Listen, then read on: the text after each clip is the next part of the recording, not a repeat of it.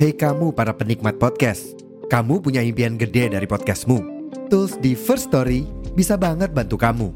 Mulai dari F-Link, Dynamic Audio Insertion, sampai statistik yang komprehensif, semua ada di First Story. Gak ketinggalan, kamu bisa monetisasi podcastmu lewat iklan dari First Story Ads yang bisa kasih kamu penghasilan dari setiap place podcastmu. Yuk gabung sekarang dengan klik di firststory.me. Sekali lagi, di firststory.me. Mari kita bawa mimpi podcastingmu menjadi kenyataan. Hai, aku mau kasih tahu nih ke kalian kalau podcast ini aku hosting di First Story. Apa sih First Story itu? Jadi, First Story ini adalah platform palu gada baru yang paling lengkap fiturnya. Kalian bisa membuat, mengelola, dan mendistribusi podcast kalian ke berbagai platform secara gratis. Pastinya caranya mudah banget dong. Jadi, tunggu apa lagi? Gapai potensi maksimal podcastmu dengan tools dari platform hosting terbaik untuk para podcaster. Daftar sekarang ya di firststory.me. Yuk bawa mimpi podcastingmu jadi kenyataan. Halo, gimana kabar kalian? Baik-baik aja kan? Atau sedang ada yang terjadi? Atau mungkin ada kepahitan yang tersembunyi? Cerita aja, jangan dipendem. Nanti sakit. Kasihan dong, nanti kalau sakit. Siapa yang mau nyembuhin? Dia. Emangnya dia peka? kalau ada apa-apa, cerita ya. Gak apa-apa kok. Cerita ke aku. Kayak di episode kali ini, aku juga bakal bacain cerita dari salah satu followers aku di Asada Rasa yang ceritanya cukup menarik dan kalian harus banget dengerin sampai akhir karena pastinya di akhir-akhir bakalan ada pesan yang akan aku sampaikan. Oke, sebelumnya aku mau berterima kasih kepada kamu yang udah kirim cerita ini. Makasih banyak, makasih udah percaya sama aku buat cerita tentang kisahmu yang sudah terjadi. Dan buat kalian yang belum, oke, okay, gak apa-apa kok. Langsung DM aja di Instagram aku atau langsung kirim email di bio yang udah tertera. Oke, okay, aku bakalan bacain ceritanya secara sekilas intinya aja. Nah, jadi di sini tuh ada seorang siswa, dia ada di bangku SMA dan ini kisahnya dimulai ketika dia pertama kali masuk. Oke. Okay. Nah, di awal dia masuk di SMA itu ada seorang guru yang berpesan sama dia. Pesannya tuh gini. Kamu tidak perlu peduli. Kamu tidak perlu membuat atau melakukan sesuatu yang ada di luar nalar kamu. Kalau emang gak bisa, ya udah, biarkan aja. Nah, pesannya seperti itu. Tapi si anak ini um, kontra sama pesan yang disampaikan gurunya itu tadi, dan dia cukup menerima itu, tapi dia tidak melaksanakannya karena dia pikir um, dia nggak bisa seenaknya gitu. Dia nggak bisa nerima kalau sesuatu yang ada di luar nalar itu dibiarin aja, gitu aja. Jadi nggak usah peduli gitu. Nah, dia ini masih tetap jadi orang yang pedulian, orang yang um, peka sama lingkungan, sama sekitarnya, sama orang lain kayak gitu. Nah, tapi ternyata di sikapnya yang kayak gitu tuh malah jadi tempat orang lain memanfaatkan dirinya. Ya istilahnya apa ya? Kebaikannya itu cenderung dimanfaatkan sama orang lain. Ke apa ya? Ketidaktegaannya, rasa gak enakannya itu malah dimanfaatkan sama orang lain. Sampai akhirnya dia tuh ngerasa capek dan terpikir lagi dengan pesan yang disampaikan sama gurunya itu tadi. Kalau ada di luar nalar kamu dan itu susah, maka ya udah biarin aja. Dan dia memutuskan untuk kayaknya pesan ini bagus juga kalau misal diterapkan.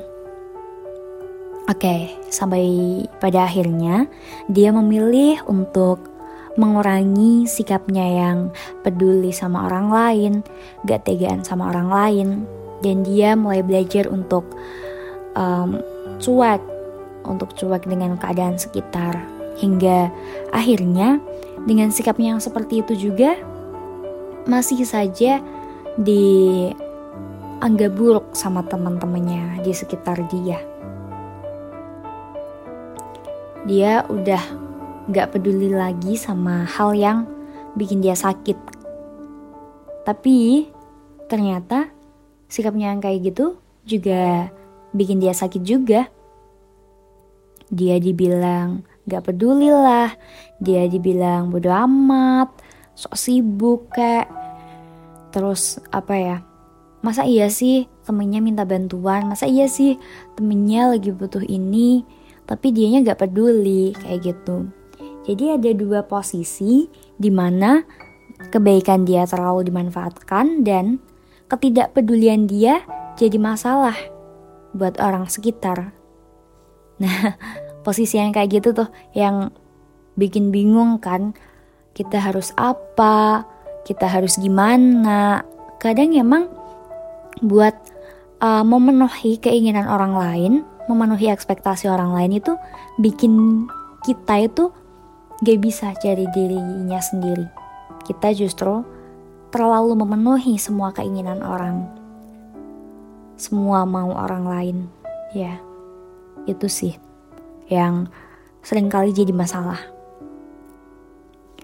Dan um, dia ini, lanjut ke ceritanya, dia ini uh, lebih memilih untuk diam. Diam buat mendam ceritanya itu. Dan dia lebih memilih juga biarinlah orang lain lihatnya kayak gitu. Padahal mereka juga nggak tahu apa yang sedang aku alami.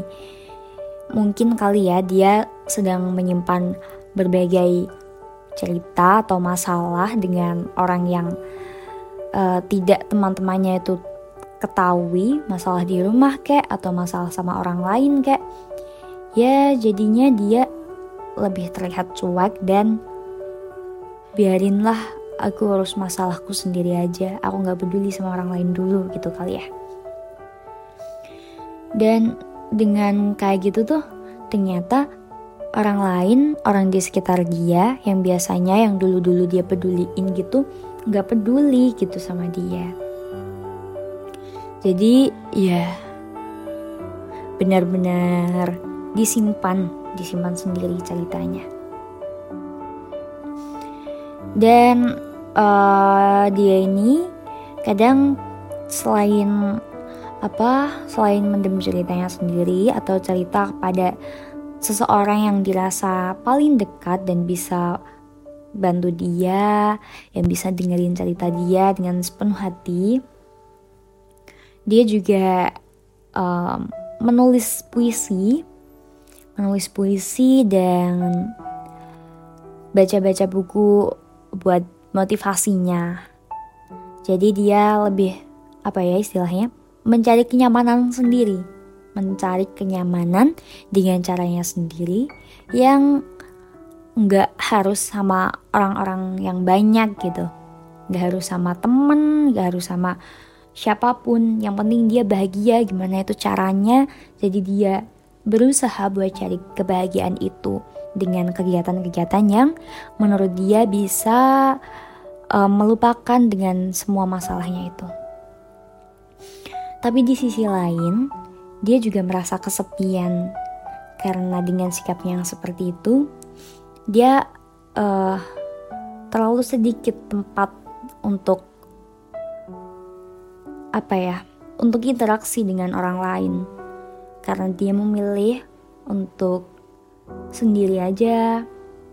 Jadi dia kekurangan tempat dan merasa kesepian. Padahal dia ini katanya orangnya apa? friendly dan mudah bergaul gitu sama orang lain. Nah, tapi dengan kisahnya yang seperti itu atau pengalamannya yang seperti itu membuat dia berubah. Berubah menjadi pribadi yang ya seperti itu tadi. Oke. Okay. Sekian cerita yang aku tangkap dari dia yang udah mau ngirim ceritanya di aku. Ya, menurut aku hal kayak gini tuh kadang aku juga pernah ngalamin dulu waktu di bangku sekolah juga. Menurut aku posisi kayak gitu tuh emang gimana ya rasanya? Kesepian iya, bosen iya, tapi nanti kalau sudah berhubungan dengan orang lain, kita juga kadang dibikin sakit hati juga gitu. Jadi aku pengen punya temen tapi yang benar-benar tulus. Aku pengen punya orang lain, aku pengen punya tempat untuk berkeluh kesah, untuk menumpahkan apa kisah sedihku dan kisah senangku. Tapi dia tulus. Bukan dia yang hanya ingin tahu, dan hanya ingin untuk singgah sebentar. Dan aku akui bahwa mencari sosok yang seperti itu kriterianya itu bukan hal yang mudah. Jadi, untuk saat ini kita boleh kita boleh memilih apa yang benar-benar kita inginkan, bagaimana ke depannya, bagaimana kehidupan esok, itu sesuai dengan kemauan kita. Karena pasti ketika kita mau, kita juga sudah memikirkan gimana ya nanti konsekuensinya. Gimana ya nanti kalau aku gini. Jadi aku pengen kayak gini. Soalnya aku mau ya sesuai sama kemauan kalian sendiri. Jadi nggak ada salahnya. Gak ada salahnya buat memutuskan bagaimana sih sikap yang sebaiknya kita lakukan itu. Tapi perlu diingat juga, kita boleh kok, boleh buat sendiri, buat mengasingkan dari orang lain. Tapi menurutku itu bukan hal yang seharusnya gitu. Ya oke okay lah kalau beberapa saat ya, mungkin sehari dua hari aku lagi pengen sendiri. Aku mungkin jangan deket-deket sama aku dulu ya. Aku lagi banyak pikiran, takutnya nanti gimana-gimana gitu kan. Jadi kalau menurut aku ya oke okay lah. Kalau misal um, orang lain yang ada di sekitarmu itu emang nggak suportif sama kamu. Bukannya gimana ya, kalian harusnya tetap tetap menjalin relasi tapi harus ada batasan gitu. Jadi setidaknya kalian itu bukan yang kesepian gak punya siapa-siapa. Jadi um, diambil sisi positifnya aja gitu.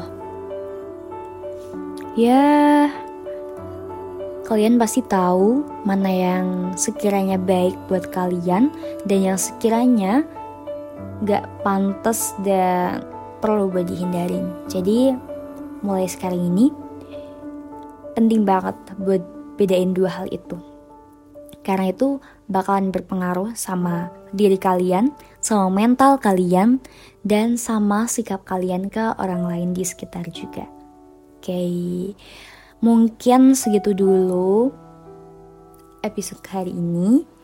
Aku udah bacain cerita dan aku terima kasih banget buat kamu yang udah ngirim dan aku minta maaf kalau misal respon aku masih dianggap kurang atau mungkin gak sesuai sama yang apa yang kamu inginkan.